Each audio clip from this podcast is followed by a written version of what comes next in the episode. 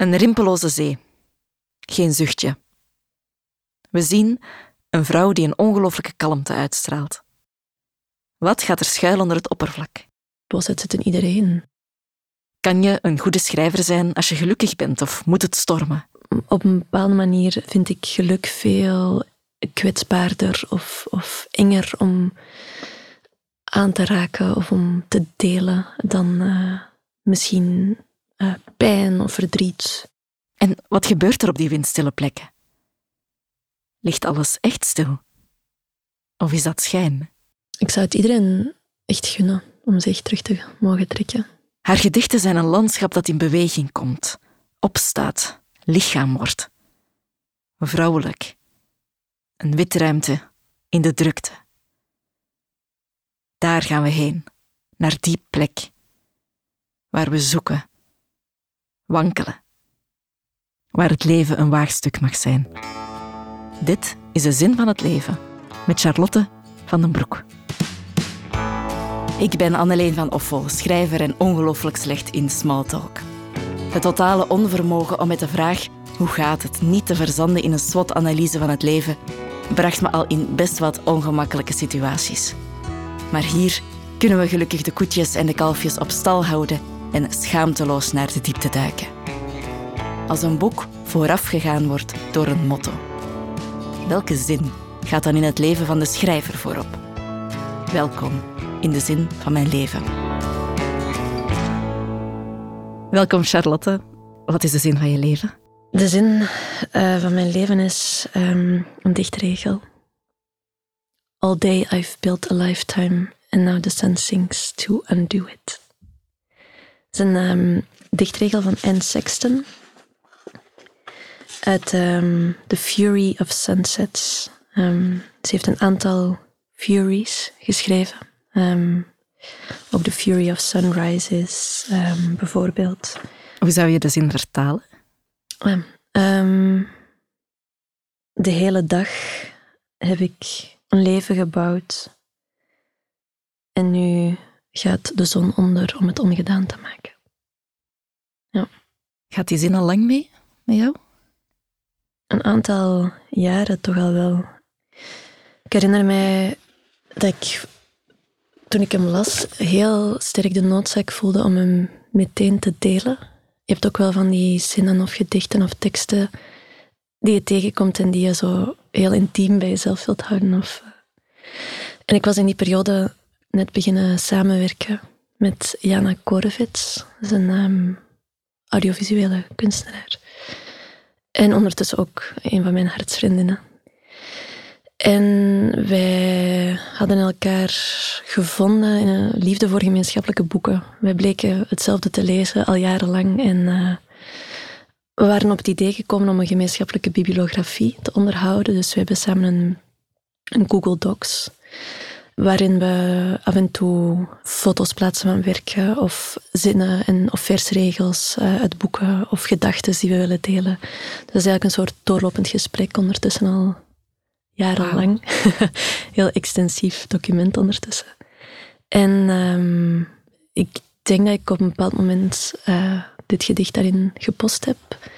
En dat heeft ons allebei zo geraakt dat we al um, in onze beide praktijken heel veel met die woorden gedaan hebben ondertussen. Ja. En wat betekent die zin voor jou persoonlijk? Ja, zowel uh, verdoemenis als hoop eigenlijk. En als er zo twee extreme worstelingen aan gaan met elkaar, dan ben ik altijd wel, uh, daar ben ik altijd wel voor te vinden.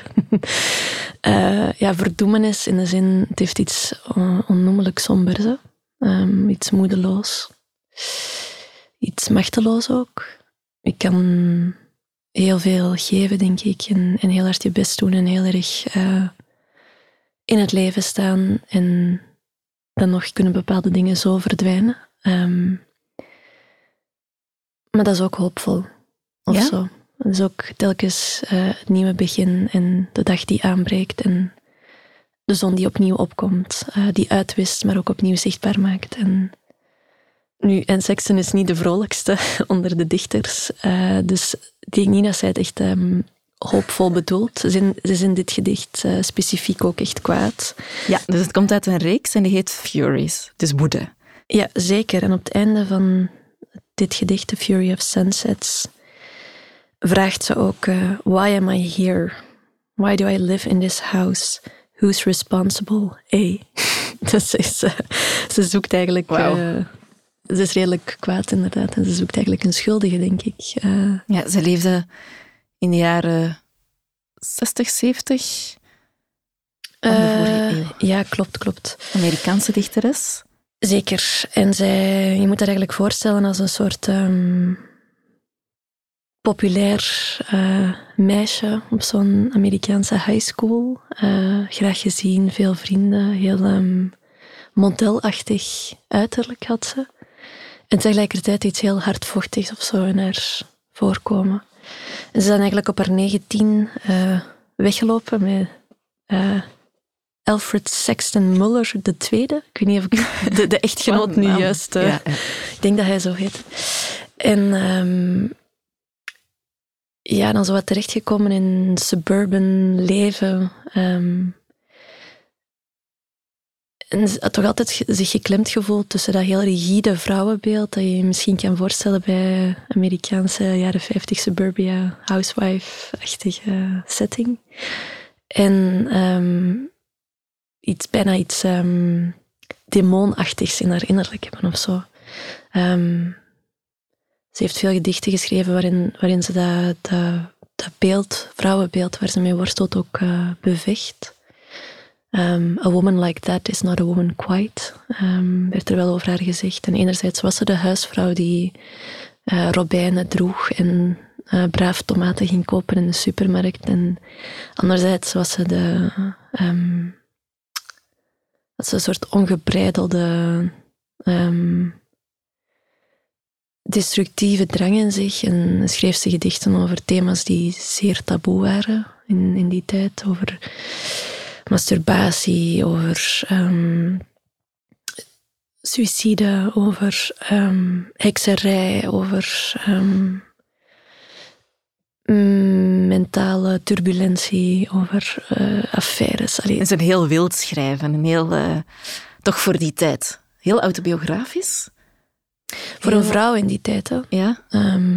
Autobiografisch, uh, ja, al, weet ik niet of, of, dat zo, of ik dat altijd zo interessant vind om na te gaan of zo, hoe autobiografisch het dan was.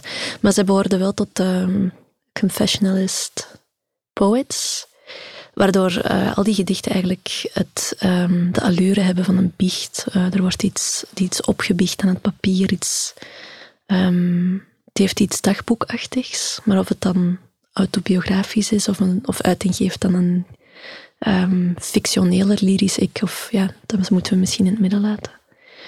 Um, maar daardoor wekt het natuurlijk wel de schijn van autobiografie, of gaan we wel heel snel um, of wordt de lijn wel snel dun tussen en seksen die ik zegt in een gedicht en de echte persoon die aan de schrijftafel zit.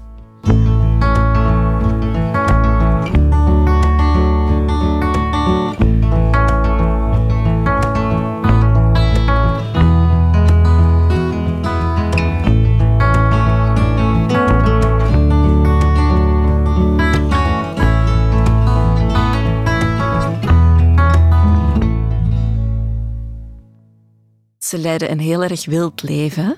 Een heel, of een heel destructief leven, toch?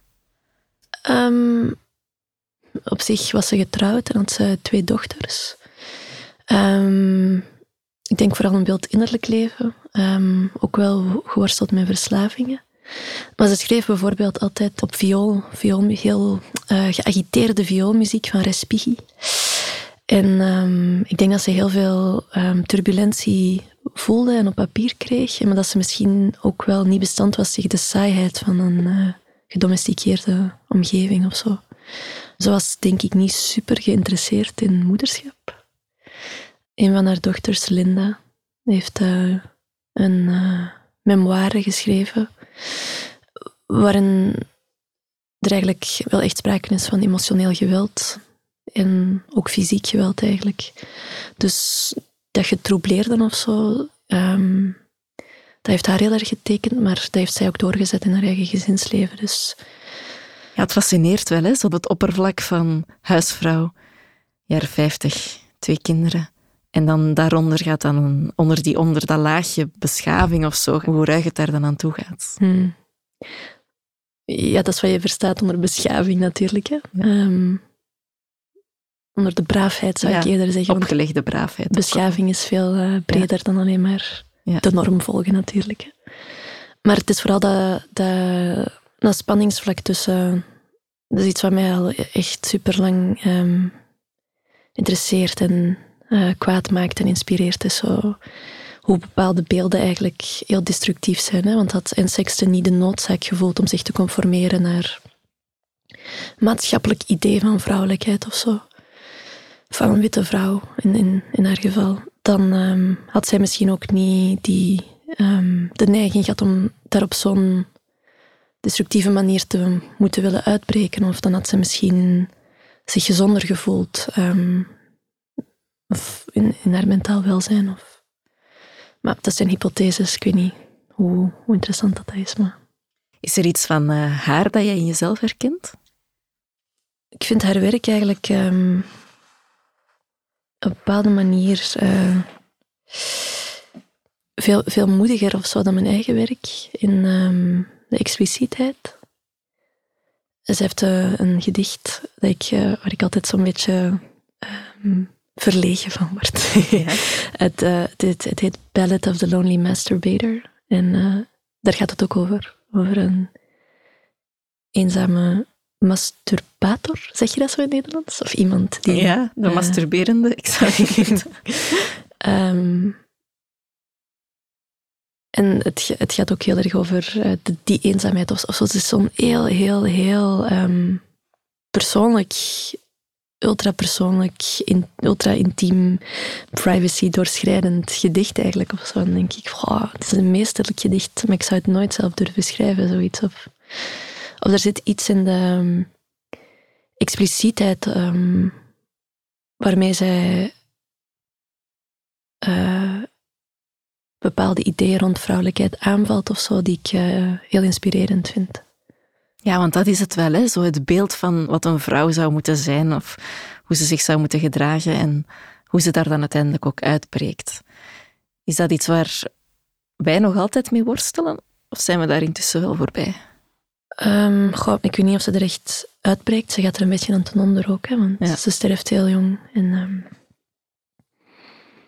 ik denk dat er heel veel impliciete verwachtingen zijn die ingebed zitten in systemen en structuren en uh, die misschien aan de oppervlakte onschadelijker lijken of zo, maar die daar in de praktijk niet altijd zijn. Zeker niet. En waar denk je dan aan, specifiek? Mm, ongelijkheid, bijvoorbeeld.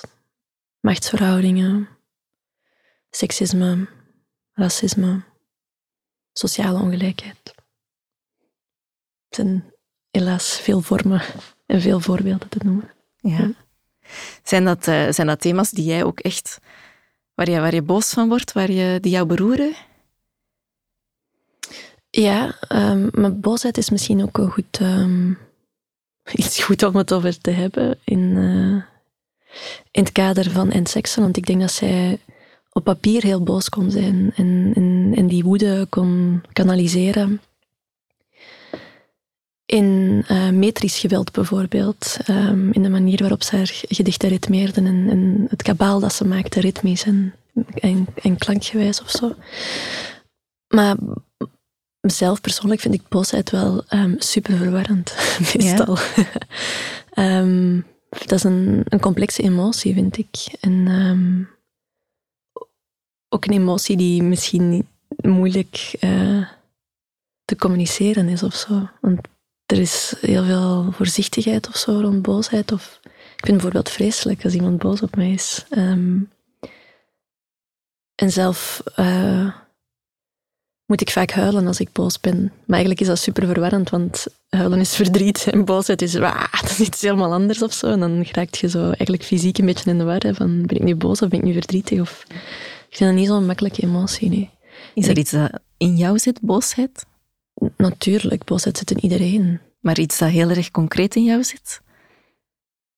Um, ik denk het wel. Maar ik denk dat hij in iedereen heel concreet zit. Ik denk gewoon dat dat vaak voor vrouwen niet altijd um, iets is wat um, we aanvaarden of, of wat vrijheid geuit mag worden. Of, hmm. en waar richt die boosheid zich dan op? bij mij meestal op mezelf. uh, ja. Boosheid is beweging ook, hè? Is, toch, is, is voor mij toch een, een manier om heel erg aanwezig in, in het leven te staan. En kan een heel erg grote motor zijn om, ding, vanuit, om daar dingen vanuit te ondernemen. Mhm. Het is niet per se een slechte emotie of zo. Nee, zeker niet. Dat is ook vuur. Ja. En, um, als ik dat zou moeten plaatsen, dan denk ik dat dat ergens in je buik zit of in je core of in, in, op een heel centrale plaats of zo. Dus dat is ook inderdaad iets vitalistisch.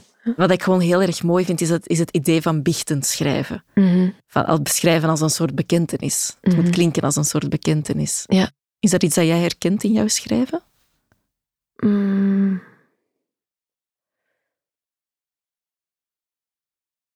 Ja, dat, dat woord biecht is natuurlijk um,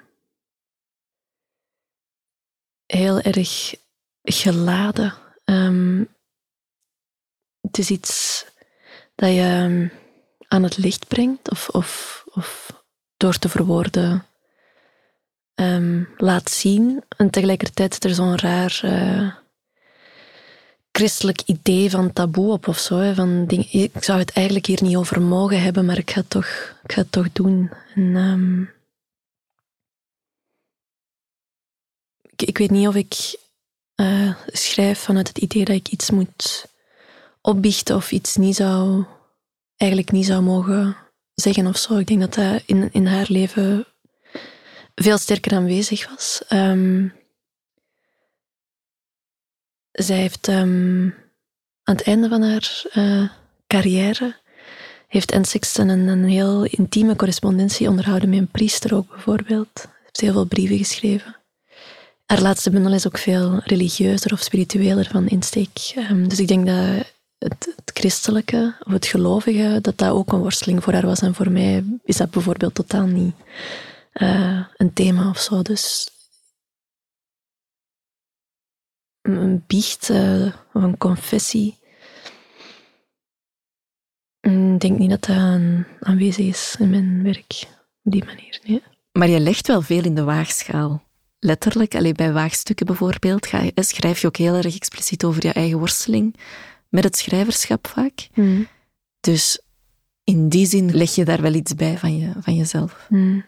Ja, en in, in dat boek was dat heel specifiek um, aan de hand, omdat ik daar schrijf over eigenlijk dertien architecten die uit het leven zijn gestapt omwille van een fout in een van hun ontwerpen. Dus dat gaat eigenlijk over een heel gevaarlijke symbiose tussen maker en werk, uh, tussen architecten en gebouw. En sowieso een heel complex en emotioneel thema, zelfdoding. Ergens was ik heel erg op zoek naar dialoog, maar dat ging uiteraard niet. Um, omdat het ging om historische figuren of, of um, die gestorven waren. Dus dat is een soort innerlijk gesprek. Dat is naar binnen, dat is naar binnen ge, geïmplodeerd eigenlijk. En dat is een soort innerlijk gesprek geworden dat dan een verhaal in het boek is geworden. Mijn eigen worsteling of mijn eigen gevoel van zo vervlochten te zijn met wat ik maak. Dat ik uh, die totale mislukking um, heel herkenbaar vond of zo. Maar dan op een veel kleinere schaal uiteraard. Op, binnen de arena van een blad papier, om het zo te zeggen, niet in de openbare ruimte, uh, zoals architectuur, waar architectuur zich uh, manifesteert.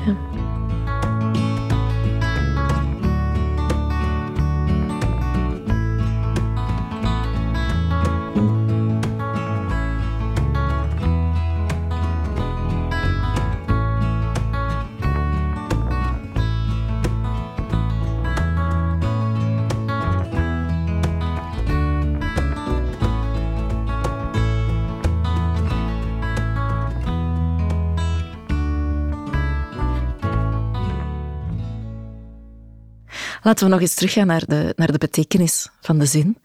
Er zit een, eh, een heel groot contrast in. Een, het is een zin van contrasten, van bouwen en tegelijkertijd ook ja, teniet gedaan worden.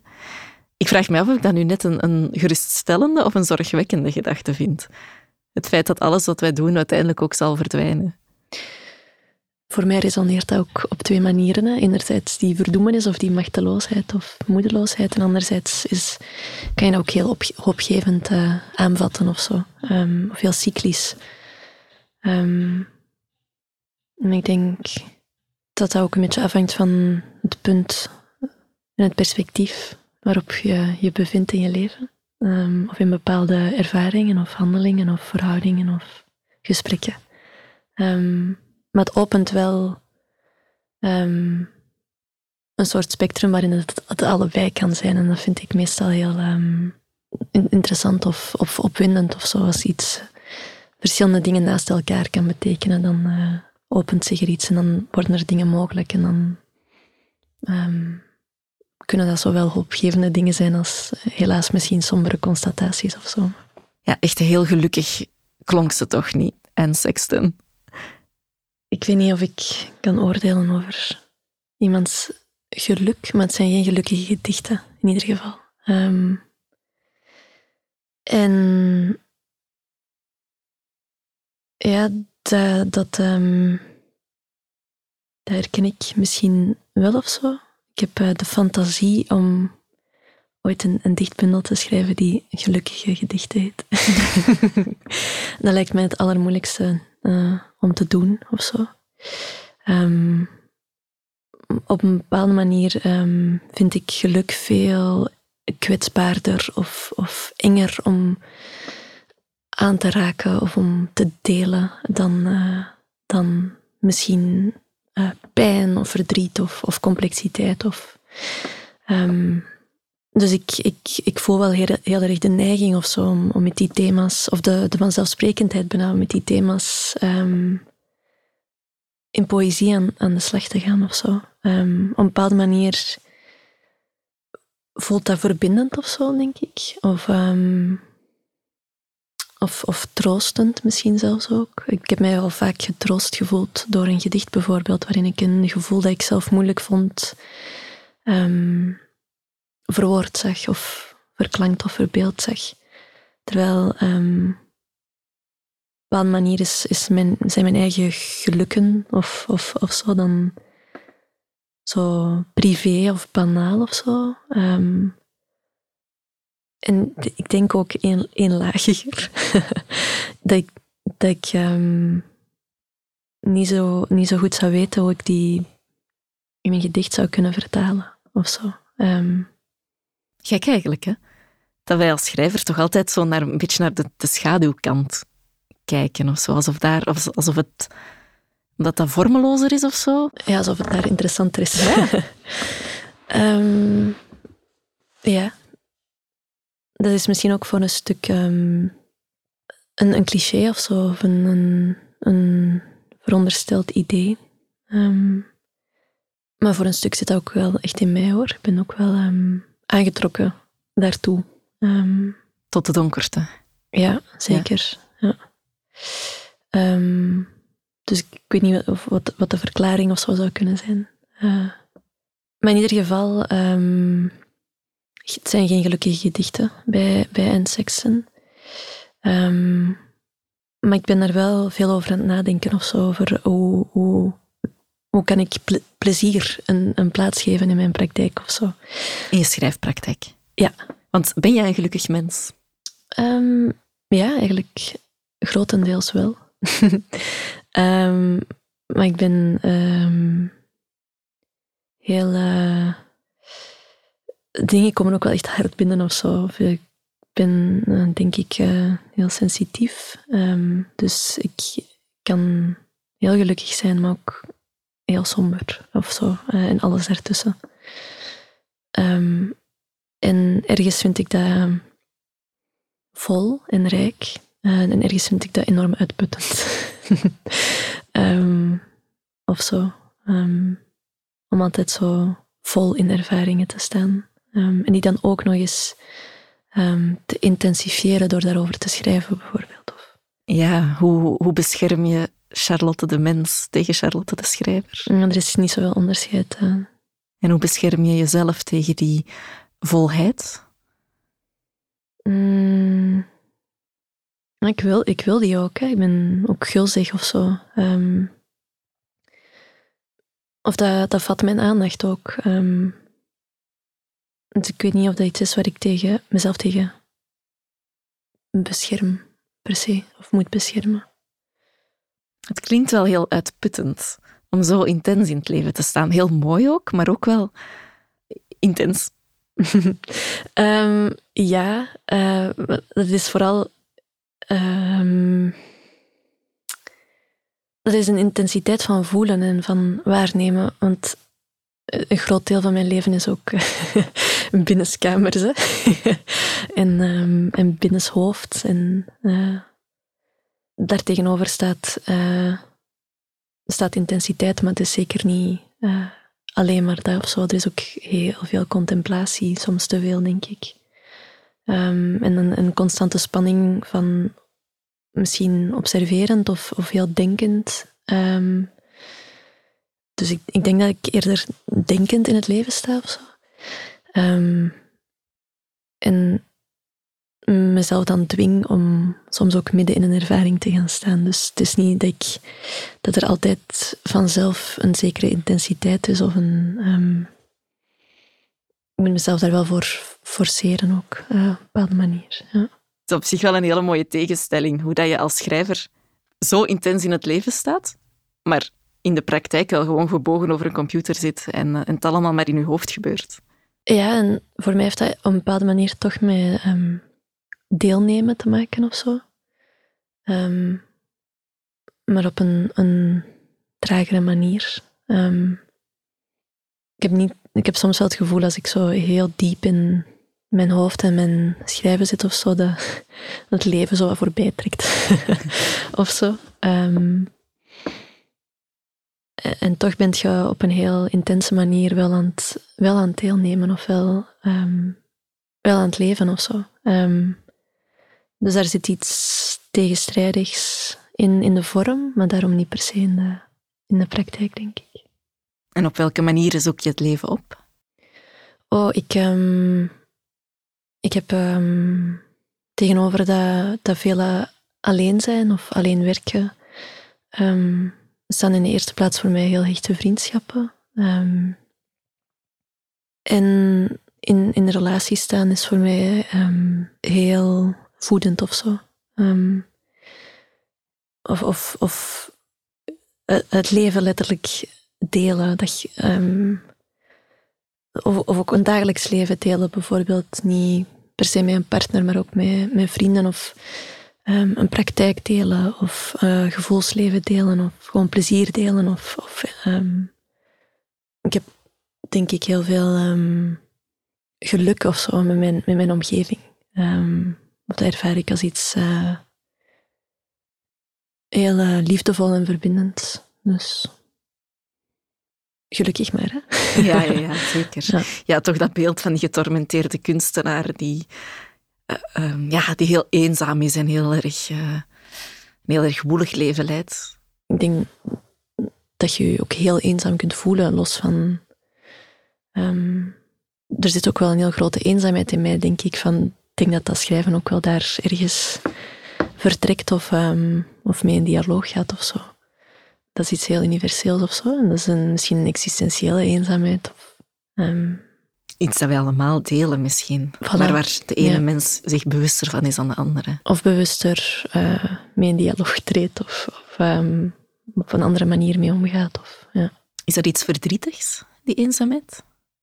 Um, ja, meestal ervaar ik dat zo wel. als iets verdrietigs. Um, ja.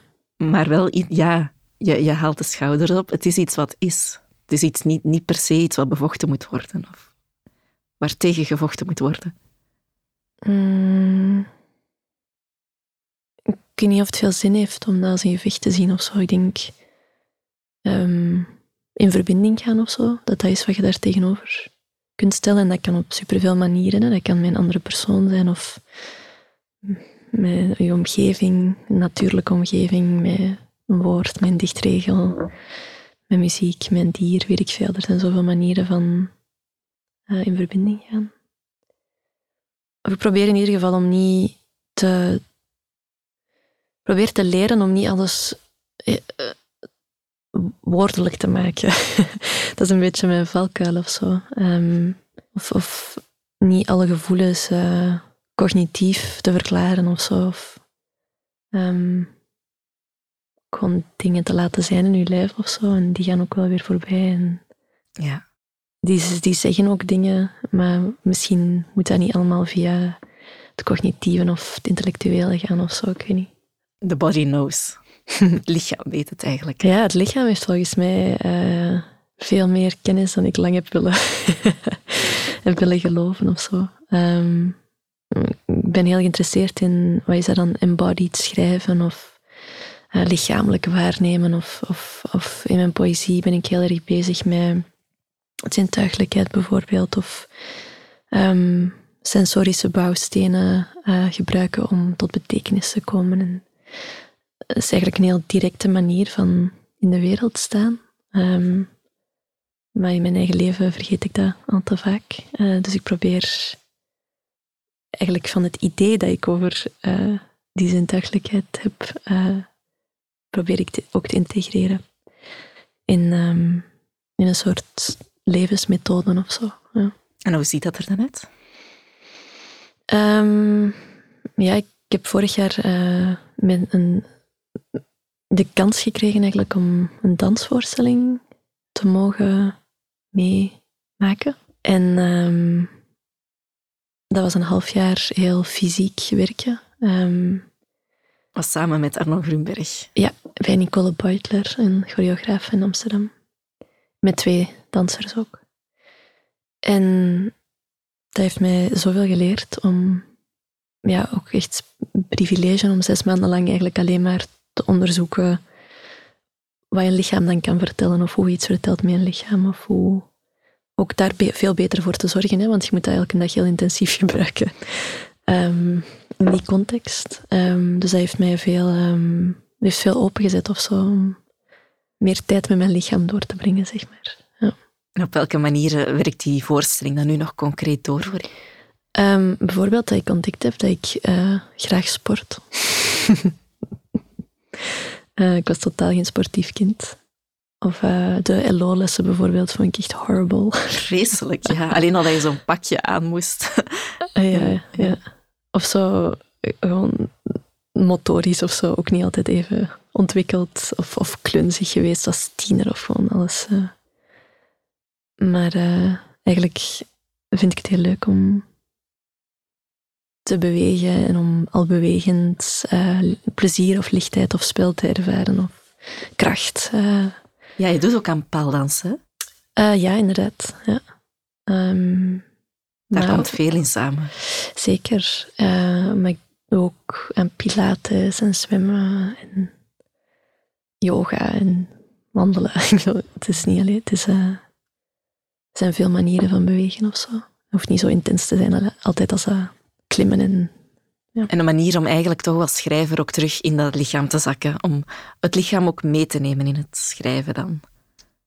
Um, ja, ik weet niet of dat per se voor schrijvers zo is. Ik denk dat het voor alle mensen heel belangrijk is om in welke hoedanigheid je door het leven gaat. Om um, ook, um, ja, om ook gewoon zorg te dragen voor je lichaam.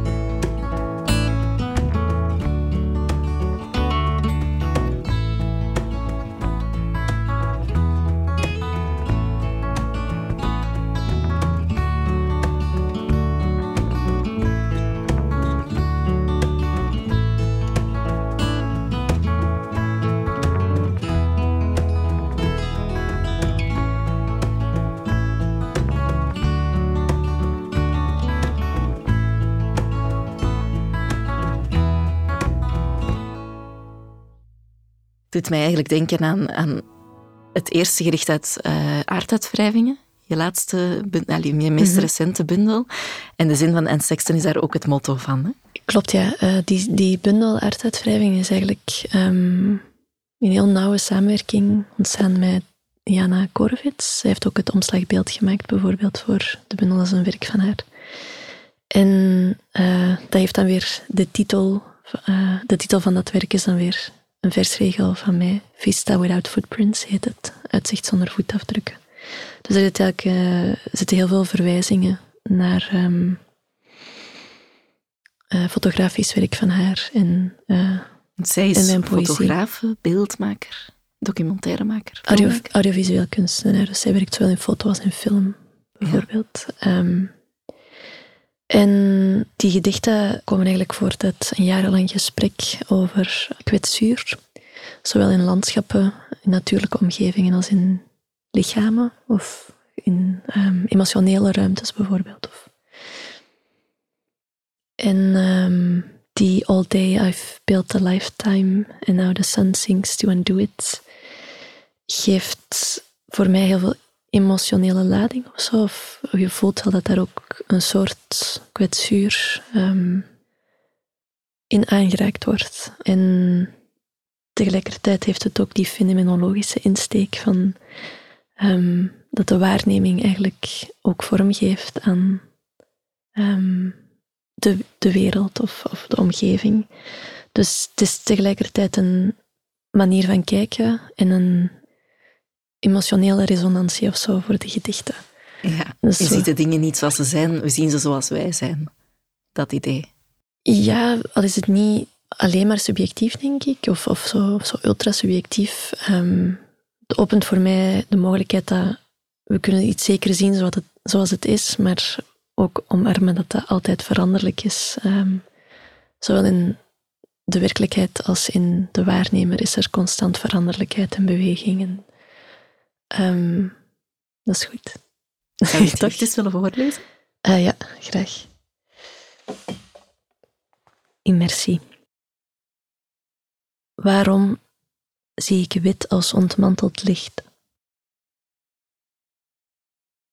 Waarom geloof ik niet wat een loodrechte zon kan aanrichten? Nog steeds niet. Waarom ligt er geen schaduw onder de hemel in herhaling? Rood, oranje, rood ontsteekt de dag. Waarom sleept het uur zich uitgeput naar haar brandpunt? Wat is afstand? Anders dan een zich stapelende zandmassa het staat al tot de kin. Waarom komt het niet tot verdrinking? Zelfs in al haar uitgestrektheid breekt de zwerftocht op. Nu eens door halve maanstruiken. Dan weer door het gedroomde geluid van een snelweg in de achtergrond, ritseling. Waarheen schiet de hagedis? Waarom lispelt de hitte bezweringen? Waarom hoop ik achter de rotsen op sporen van nachtdieren? Op de spiegeling van een oude geliefde. Waarom roept hij mij niet? Is hij mij dan niet kwijt? Immersie. Hoe ik me al die tijd bewogen heb. Stilgestaan, terwijl wind het zand verlicht.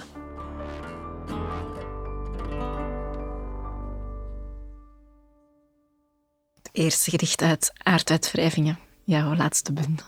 Mm. En we zijn direct in Death Valley. Ja. In de States. Jullie zijn daar ook echt geweest? Jullie zijn daar... Um, jullie hebben daar samengewerkt, hè? Jij en Jana Korevits? Uh, ja, afgelopen juni. Ja. Dat is een project dat in COVID hopeloos uitgesteld is geraakt met reisrestricties. Maar eigenlijk ben ik daar terechtgekomen omdat ehm, Jana een heel persoonlijke band met dat landschap heeft. En zij is daar al een aantal keer uh, gaan werken. En um, zij heeft mij uiteindelijk in 2018 al, denk ik, gevraagd om uh, tekst te maken bij een film van haar. En um, uiteindelijk ben ik dan ook, is de film afgelopen juni gedraaid. En het was een heel kleine ploeg met vier vrouwen nog een uh, cameraassistent en uh, iemand die het geluid deed. Jana deed regie en ik was dan mee voor de tekst. En het was ook deel van de methode om samen in het landschap te zijn. Dus zo ben ik daar terecht gekomen. Dus dat is de bedoeling eigenlijk, dat je het project dat je eerder zou afreizen naar dat valley, voor, om de bundel te schrijven ook. Want de gedichten um, niet zijn wel op het landschap gebaseerd. Ja, niet per se om de bundel te schrijven. Wel, voor de film is dat altijd wel de bedoeling geweest. Um, maar omdat dat steeds uitgesteld werd, uh, zijn die gedichten een soort vooronderzoek geworden voor het gedicht dat uiteindelijk het scenario van de film is geworden. Ja. ja. Hoe was het daar? Um, warm, benauwd, zwaar. Dat was niet evident. ja, een omgeving die niet direct meewerkt. Um, nee, maar misschien moeten we dat ook niet verwachten als mens, dat omgevingen met ons per se meewerken of zo. Of dan, dat landschappen zich aanpassen aan, aan, aan mensen. Maar daar is dat heel extreem. Hè. Ik bedoel, je beweging wordt opgebroken door, uh, door hitte. Dat zijn uren van de dag waarop je niet kunt werken, omdat dat gewoon excruciating warm is. En het licht is ook um, verandert bijvoorbeeld bij zonsopgang en zonsondergang zo snel dat je daarop moet reageren. En um, je moet enorm, enorm veel water drinken, bijvoorbeeld. Dus dat is ook gewoon de hoofdfocus van de dag of zo dan. Um, nu, dat is een heel extreem landschap of zo. Dat is de warmste plek ter aarde. En meestal rijden mensen daar door, door dat nationaal park. Dat is niet een plek waar je per se drie weken wil, wil zijn of zo. Dus jullie hebben het wel gedaan. Ja. Uh, een zomer doorgebracht. Ja, maar wel met tussen, tussenpauzes. En ook een aantal keer terug naar de stad gegaan en dat soort dingen. Ja. Het levert wel de vraag op hoe dat je als schrijver in de wereld kan staan. Hoe kijk je naar het landschap? Hoe beïnvloedt het landschap je kijken? Hmm. Ja, dat is um, ook een beetje het onderzoek van de bundel. Um, in aarduitwrijvingen um, verandert het. Het begint inderdaad in een woestijnlandschap. En het landschap transformeert ook doorheen de bundel. En het vertrekt heel erg vanuit een soort um, ouderwetse, belachelijke gelijkschakeling tussen vrouwelijkheid en natuur. Of, vruchtbaarheid en vrouwelijkheid. En, en uit, een heel binair paradigma komt dat beeld. Hè? Want de vrouw is dan natuurlijk en de man is dan degene die uh, het, het, culturele leven of het openbare leven mag vormgeven. Dus ik weet niet hoeveel steek het houdt om die metafoor in stand te houden, maar daar zit wel iets of zo. Of iets, iets, iets interesseert mij daar dan wel in. Um, dus ik heb eigenlijk geprobeerd om vanuit een soort onvrede met, met dat stereotype beeld. Um, of die gelijkschakeling, uh, om daarbinnen eigenlijk te gaan frikken en te kijken wat die twee, hoe die twee elkaar zouden kunnen beïnvloeden of omdenken of opendenken of opnieuw denken. En dan wordt het heel leuk met poëzie natuurlijk. Um, om, om betekenis te gaan zoeken of, of te verruimen. Of... Waar heeft die poëtische zoektocht jou gebracht? Bij heel veel. Um, het heeft mij uh, heel veel verschillende richtingen opgestuurd. Um, die heeft mij bijvoorbeeld bij de allegorie doen belanden. Um, die heeft mij doen nadenken over seksueel geweld. Over um, kracht ook. een soort rituele kracht bijna, zou je kunnen zeggen. Ik heb mij bijvoorbeeld verdiept in een Etruskische slangengodin, maar even goed in de Frigische Mater of um, in zo van die ja, stock figures, zeg maar, uit, uit, uit de sprookjes van, van de gebroeders Grimm bijvoorbeeld. Of er zijn heel veel, um, heeft eigenlijk heel veel verbeelding opgeleverd. En um, dat laat eigenlijk zien dat er tussen het, het, steeds maar reproduceren van een bepaald denkbeeld en het omdenken van een bepaald denkbeeld eigenlijk um, heel veel mogelijk is. dus dat het helemaal niet zo zwart-wit hoeft te zijn. Ja. ja. Heb jij altijd geschreven? Uh, nee, nee. Ik ben pas laat. Ja, laat, wat is laat? Uh, ik ben...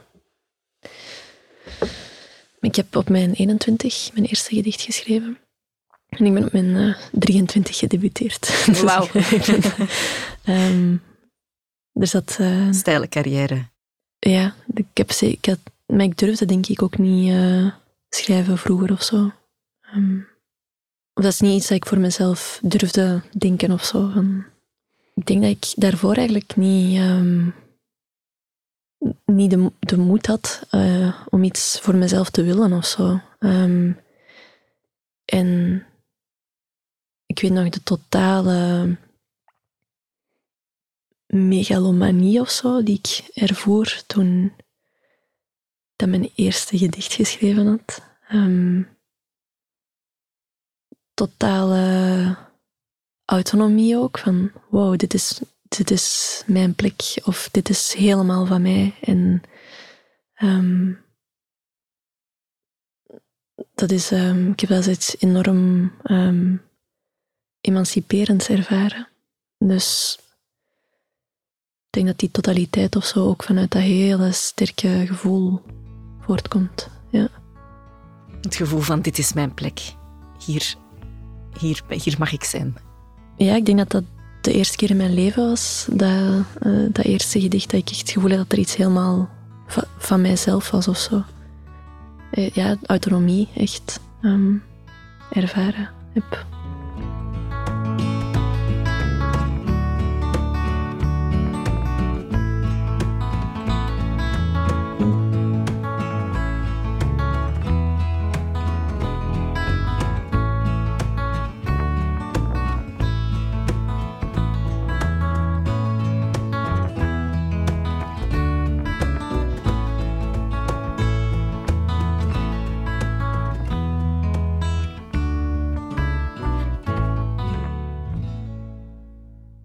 De zin van, en Sexton zit, uh, ja, zegt een ongelooflijke zin van contrasten. Er zit, die, er zit het bouwen, er zit het, het afbreken in, maar ook hoogmoed, nederigheid. Mm. Die, uh, die twee.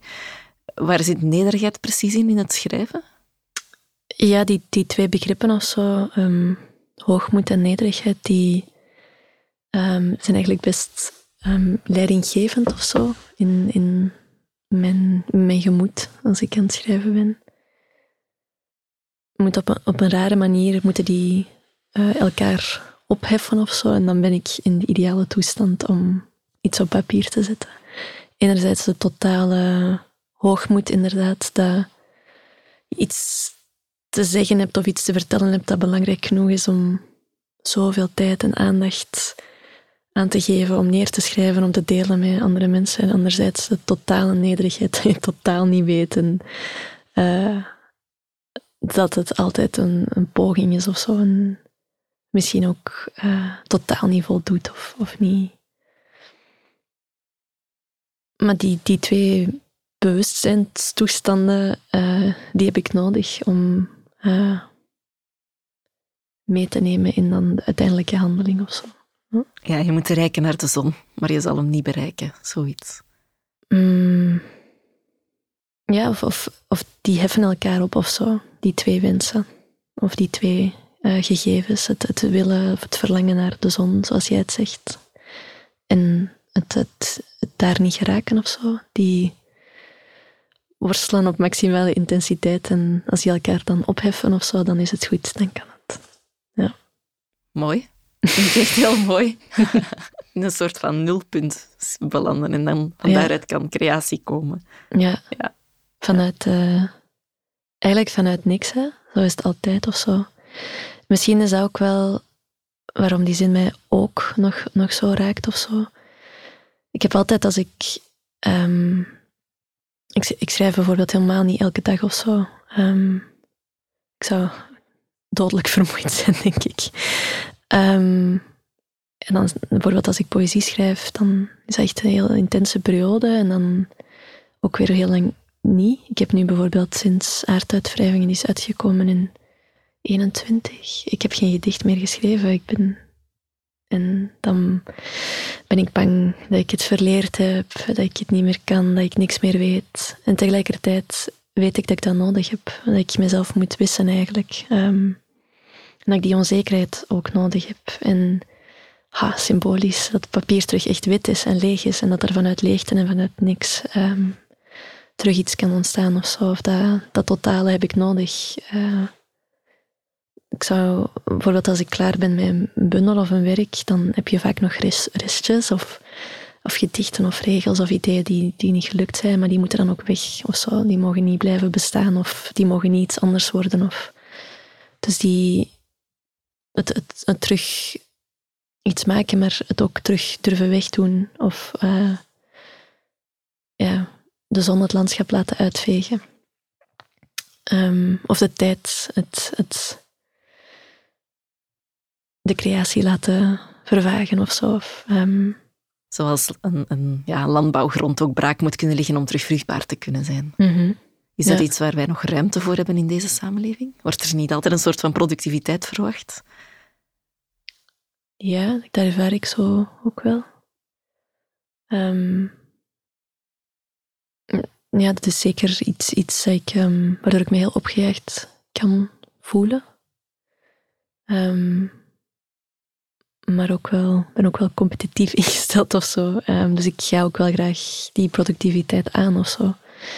Ehm, het is wel iets moeilijk hè? om te weten van oké, ik heb die periodes van leegte nodig om te kunnen produceren. Maar anderzijds is er wel die, een soort van zoemend stemmetje in je hoofd, een, een soort van druk van, van wie ben je als je niet produceert. Hmm.